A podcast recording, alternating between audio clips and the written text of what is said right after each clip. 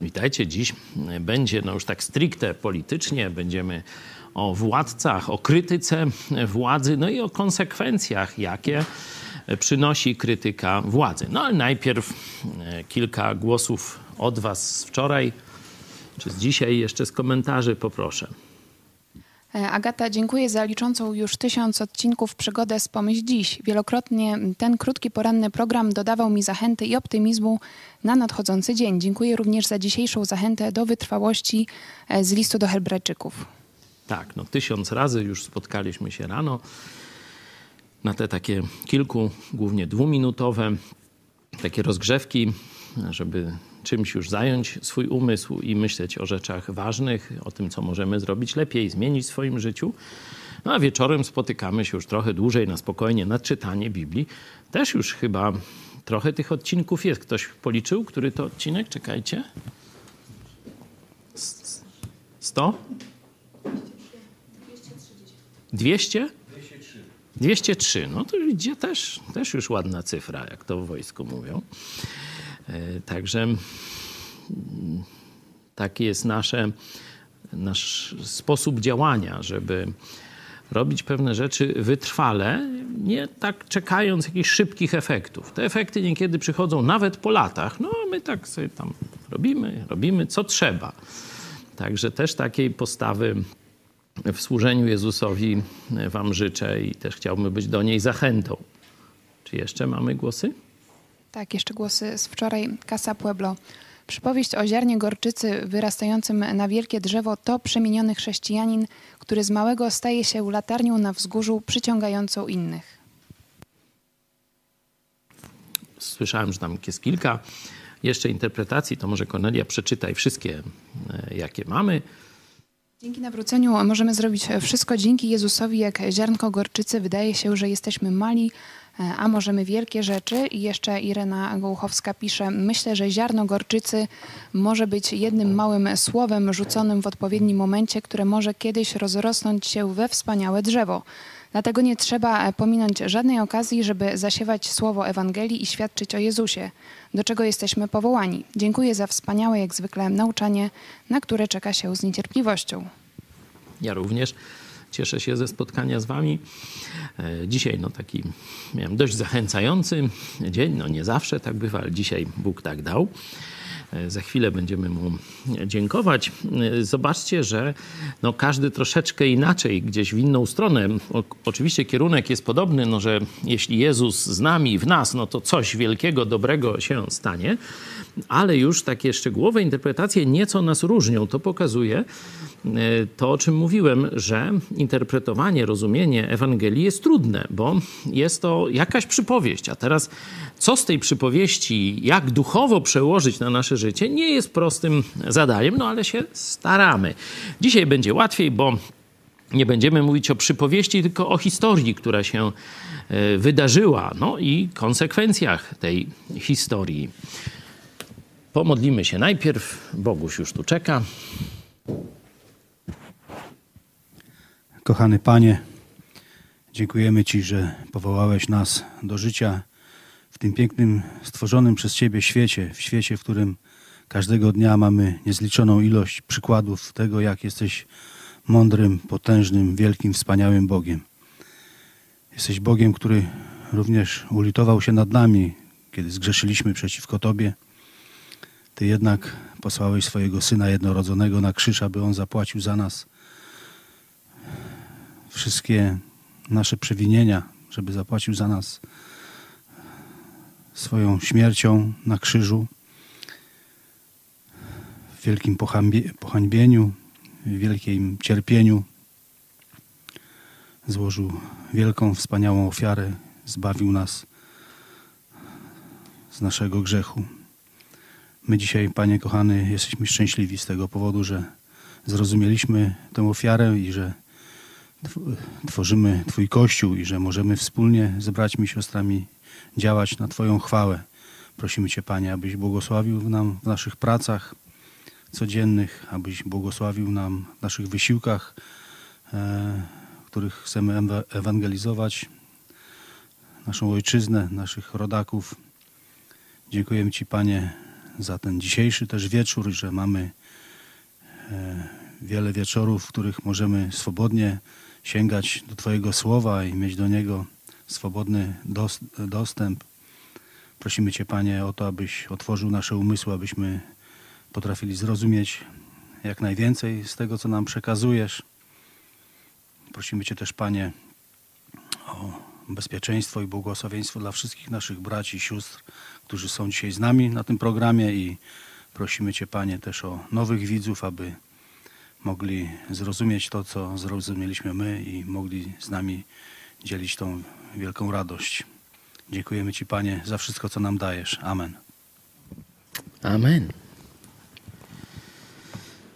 Czternasty rozdział Ewangelii Mateusza.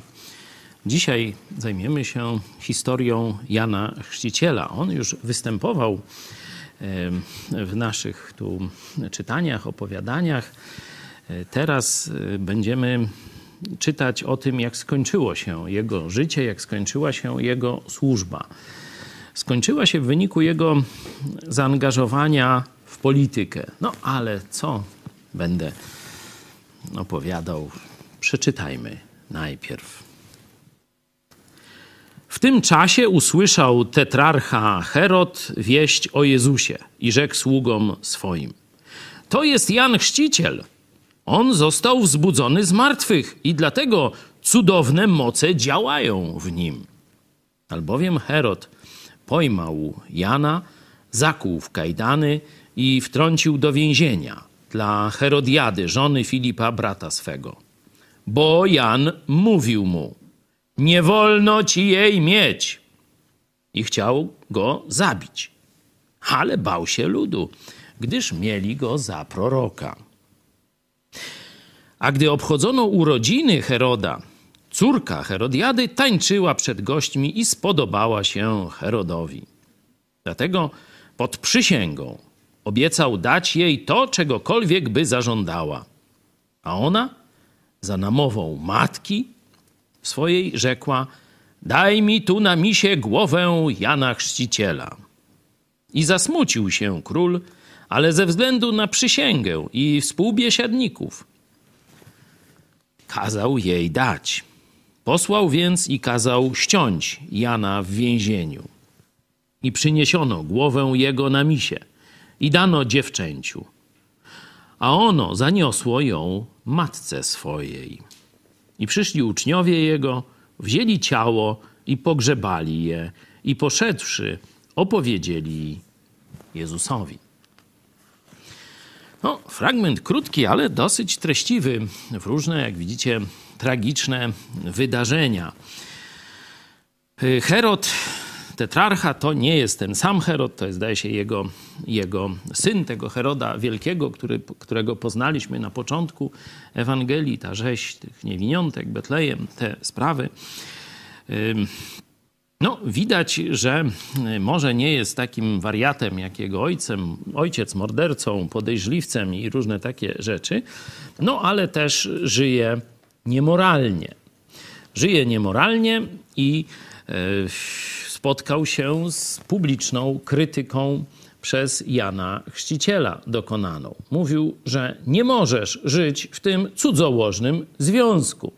No, Jarosław Kaczyński, jak wiecie, Janem Chrzcicielem nie jest i zamiast powiedzieć Kurskiemu taką właśnie prawdę, no to on jego orszak weselny prowadził. No widzicie, ile Jarosław Kaczyński, katolicyzm, który go popiera, bo to przecież arcybiskup Jędraszewski też błogosławił ten cudzołożny związek w ramach, można powiedzieć, kościoła rzymskokatolickiego.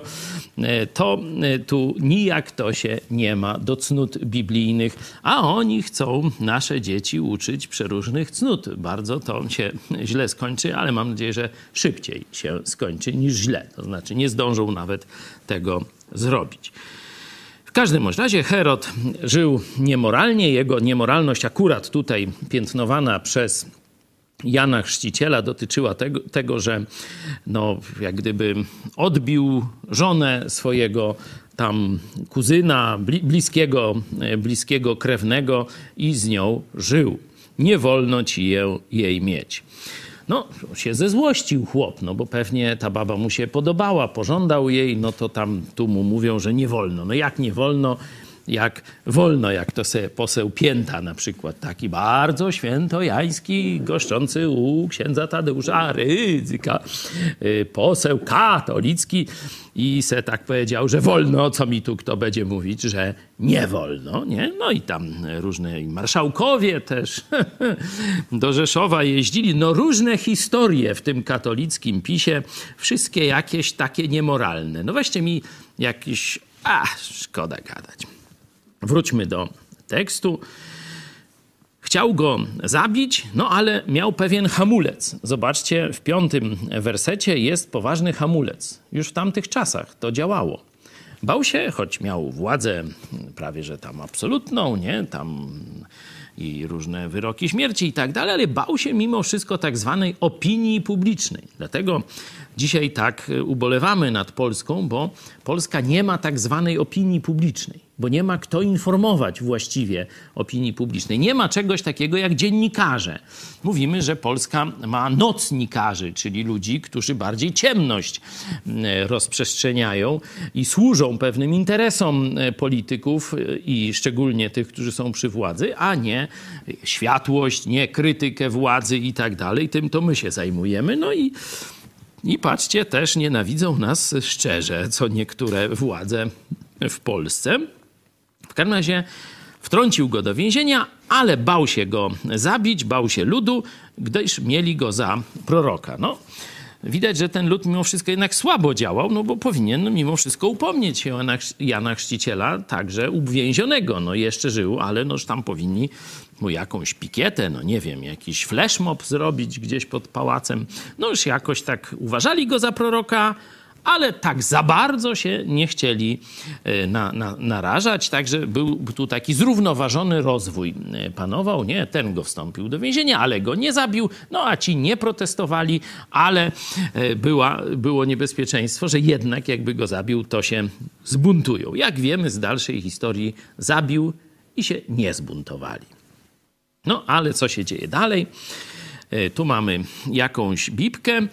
E, urodziny e, tego właśnie Heroda. No i córka tej Herodiady e, tańczyła. No, jak mu się matka spodobała, no to córka pewnie też. No nie wiem, czy ile ona tam miała lat, ale chyba no, pedofilem on nie był, ale mimo wszystko zapewne tam miała no, nie tak strasznie dużo tych lat. Spodobała mu się, powiedział wszystko, cokolwiek. Widać, że dziecię, dziewczę jeszcze głupie było, bo samo nie wiedziało, o co ma prosić, poleciało do Matiuchny, żeby, żeby jej mamusia powiedziała, co zrobić. No a mamusia no to wiedziała, że e, to właśnie Jan Chrzciciel tam mówi prawdę o jej cudzołożnym związku e, i no, trzeba by go w jakiś sposób wyeliminować. Dobra okazja się nadarzyła, kazała więc temu dziecięciu, zobaczcie, no, nie miała żadnych jakichś takich oporów, no przecież to straszna rzecz, no na misie głowę człowieka, jego córka, co to za matka, nie? Jakaś szajbuska niezła musiała być, no ale to na dworze królewskim, widzicie, no władza e, no, psuje ludzi, no tu, że tak powiem, niemoralność też tej baby e, widać, nie? Mam nadzieję, że ona nie jest w żadnej religii objęta jakimś kultem, nie? bo będę miał znowu za babę proces. Nie? Ale to baba, dlaczegoż to baba jest obraźliwe, nie? Ja tak nie rozumiem. No ale to już de gustibus sondi, sądu to już tam nie, nie poradzi.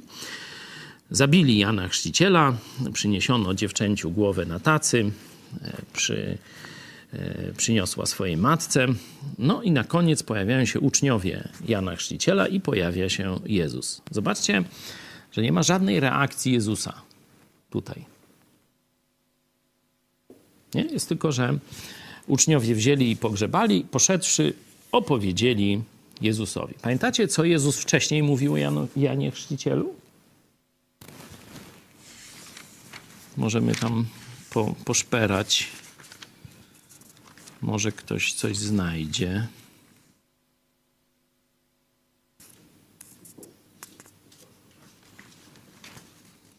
Nic wam się nie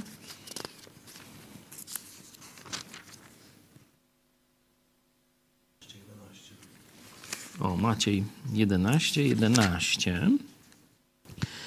Zaprawdę powiadam wam, nie powstał z tych, którzy się z niewiast rodzą, większy od Jana Chrzciciela. Nie? Czyli e, Jezus uważa e, Jana Chrzciciela za największego człowieka Starego Testamentu. Nie? Za największego człowieka Starego Testamentu. Ale tu mówi najmniejszy w Królestwie Niebios, większy jest niż on. Nie? No i teraz przejdźmy do naszego opisu, czyli mamy Jana Chrzciciela, który jest największym prorokiem, największym człowiekiem, największym świętym, ktoś powie, Starego Testamentu. No a zobaczcie, miał taką przypadłość, że zgrzeszył zaangażowaniem się w politykę. Nie? Tak niektórzy chrześcijanie do dzisiaj bajdurzą. Nie? No, gdyby to rzeczywiście tak zgrzeszył, no to chyba Jezus by takiej opinii o nim nie wypowiedział. Szczególnie, że to już się, kiedy czytamy 14 rozdział, no to to już śmierć Jana Chrzciciela jest jakiś czas wcześniej. Nie? No bo on widząc Jezusa, który przychodzi i dokonuje cudów, mówi: O, to jest ten Jan Chrzciciel, którego kazałem zabić, a teraz zmartwychwstał i stąd te cudowne moce w nim działają. Nie? Tak sobie on e, kombinował. Czyli Jezus tutaj nic nie mówi o Janie Chrzcicielu, ale wcześniej coś powiedział, że to jest największy człowiek Starego Testamentu. No i teraz możemy się zadać sobie pytanie, dlaczego Jezus nic nie powiedział kiedy, znaczy nie mamy zapisane, bo to Jezus mógł coś powiedzieć, wiecie, ale nie zostało nam to podane przez Boga, czyli jest nam to e, niepotrzebne. My musimy sobie poradzić z tym, co mamy. Czyli wiemy, że Jezus dowiaduje się o Janie Chrzcicielu, o jego śmierci. I teraz, jak myślicie, no, dlaczego nic nie mówi? Trzynasty werset później, gdy Jezus o tym usłyszał, oddalił się stamtąd w łodzi na miejsce puste na osobność. Nie? Że nie, dalej słów nie mamy. Jest tylko Jezus się dowiaduje i oddala się na osobność. Jak myślicie, dlaczego? Dlaczego nie ma żadnej tutaj oceny? Mamy tam jasną ocenę. Największy święty, największy człowiek, największy prorok Starego Testamentu. Jezus nic nie mówi, nic nie komentuje, tylko odchodzi gdzieś na jakąś chwilę refleksji na osobność. Jak to sobie interpretujecie? Są jakieś może głosy, pomysły?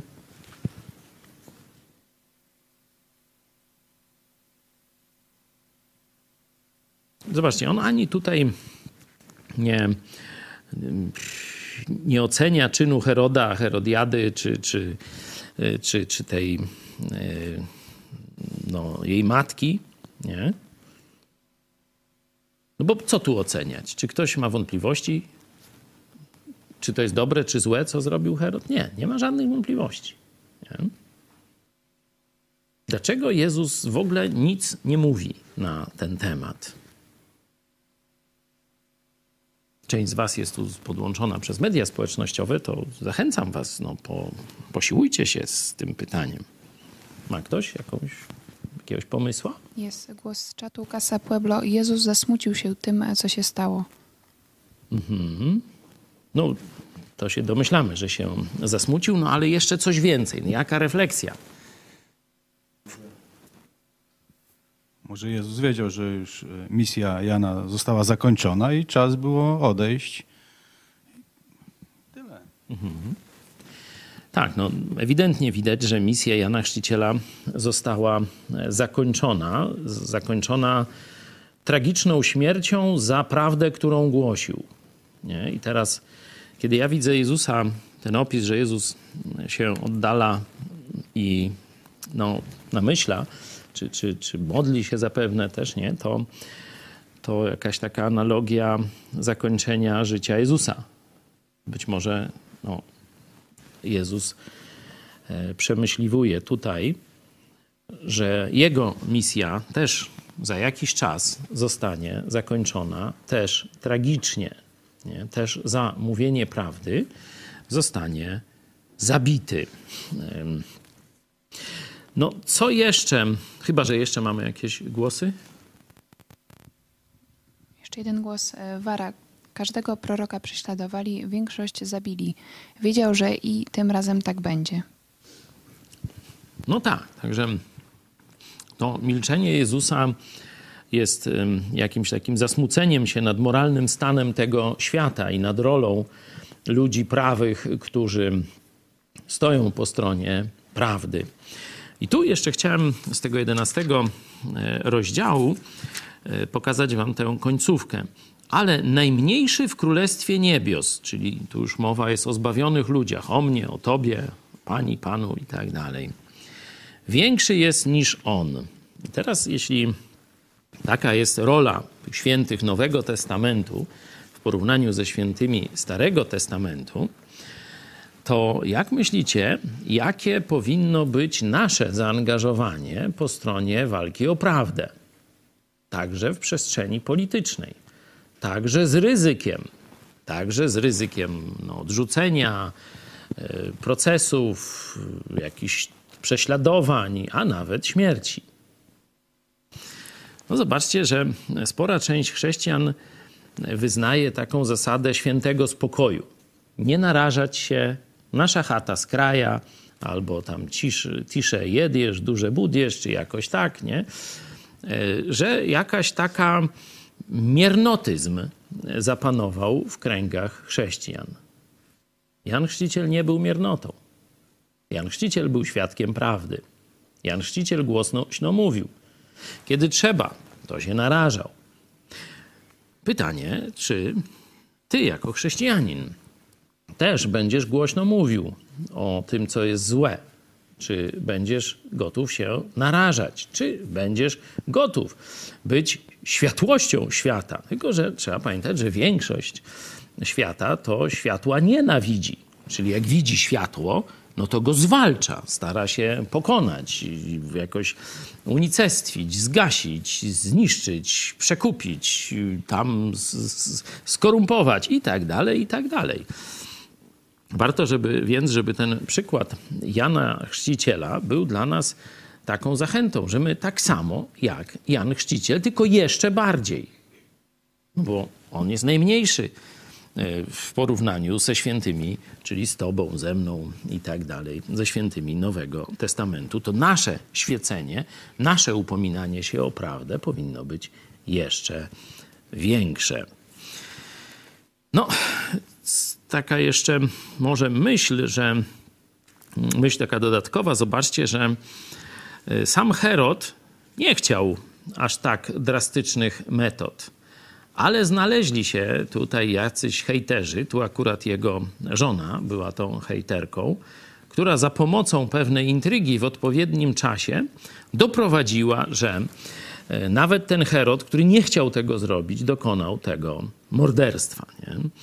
Stąd y, no, słuchajmy, znaczy, kiedy ludzie do czegoś nas namawiają, to zawsze sobie zadajmy pytanie, czy to jest od Boga i ku woli Boga, a nie tak, że tak powiem, no bo ładnie mówi, bo tam to mój przyjaciel, czy ktoś taki. Mm, ja mam tyle, jeśli chodzi o, o ten fragment. Myślę, że on nie, pod, nie przedstawia żadnych złudzeń co do tego, że chrześcijanie powinni się angażować w politykę. To jest już czas Nowego Testamentu, chociaż to jest ten ostatni z, z, proroków Starego Testamentu, to gdybyśmy zobaczyli na cały Stary Testament, kiedy władza, królowie, na przykład Dawid, robili coś złego, to przychodzili właśnie do nich prorocy i mówili: Ukradłeś, zabiłeś, cudzołożysz.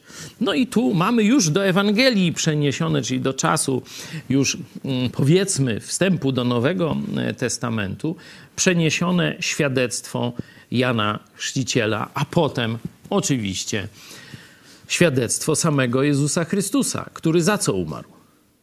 Za politykę. Bo przecież sam arcykapłan powiedział: Lepiej, żeby zabić tego jednego, niż na cały naród by miało przyjść jakieś polityczne, bo on o takim myślał, e, no, represje, gniew czy, czy coś takiego. Nie? E, I zobaczcie też, że władza państwowa, władza rzymska, choć Piłat powiedział, ja żadnej winy w nim nie znajduję, to jednak wydał go na ukrzyżowanie.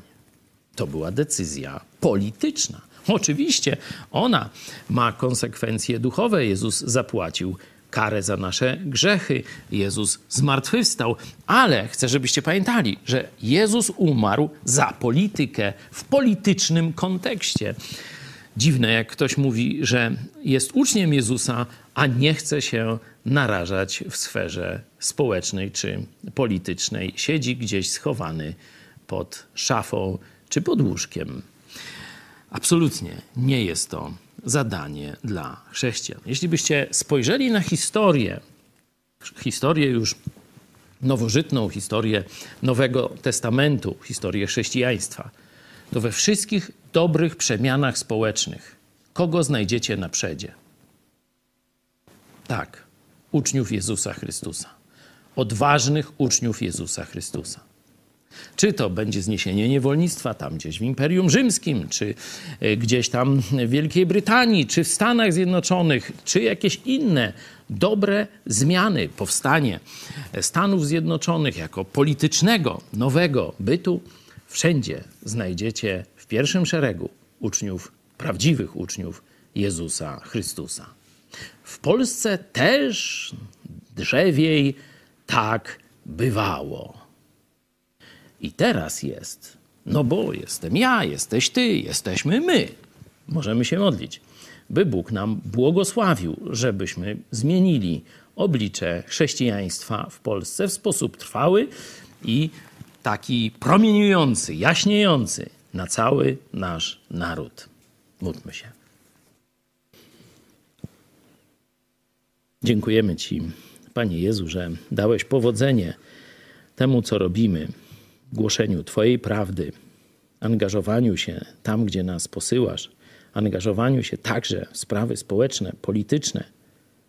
Dziękujemy Ci, że tak pobłogosławiłeś tej misji, że możemy docierać do setek czy tysięcy ludzi dzisiaj. Dziękujemy Ci, że mamy zachętę od braci, sióstr z Polski, z zagranicy. Prosimy Cię, byśmy niesieni przez Ciebie dokonali jeszcze większych rzeczy w tym czasie i w tym narodzie. Amen. A, na koniec powiem Wam, e, Magda, jaki tam stan gitar jest? 545. 545 osób na chwilę obecną nas e, wsparło finansowo. Mamy taki cel, żeby tysiąc gitar zagrało każdego miesiąca. To już trzeci rok się dzieje. Jeśli to, co robimy, uważasz za sensowne, chcesz to wesprzeć, no to po prostu to zrób. Nie tylko myśl o tym. Do zobaczenia.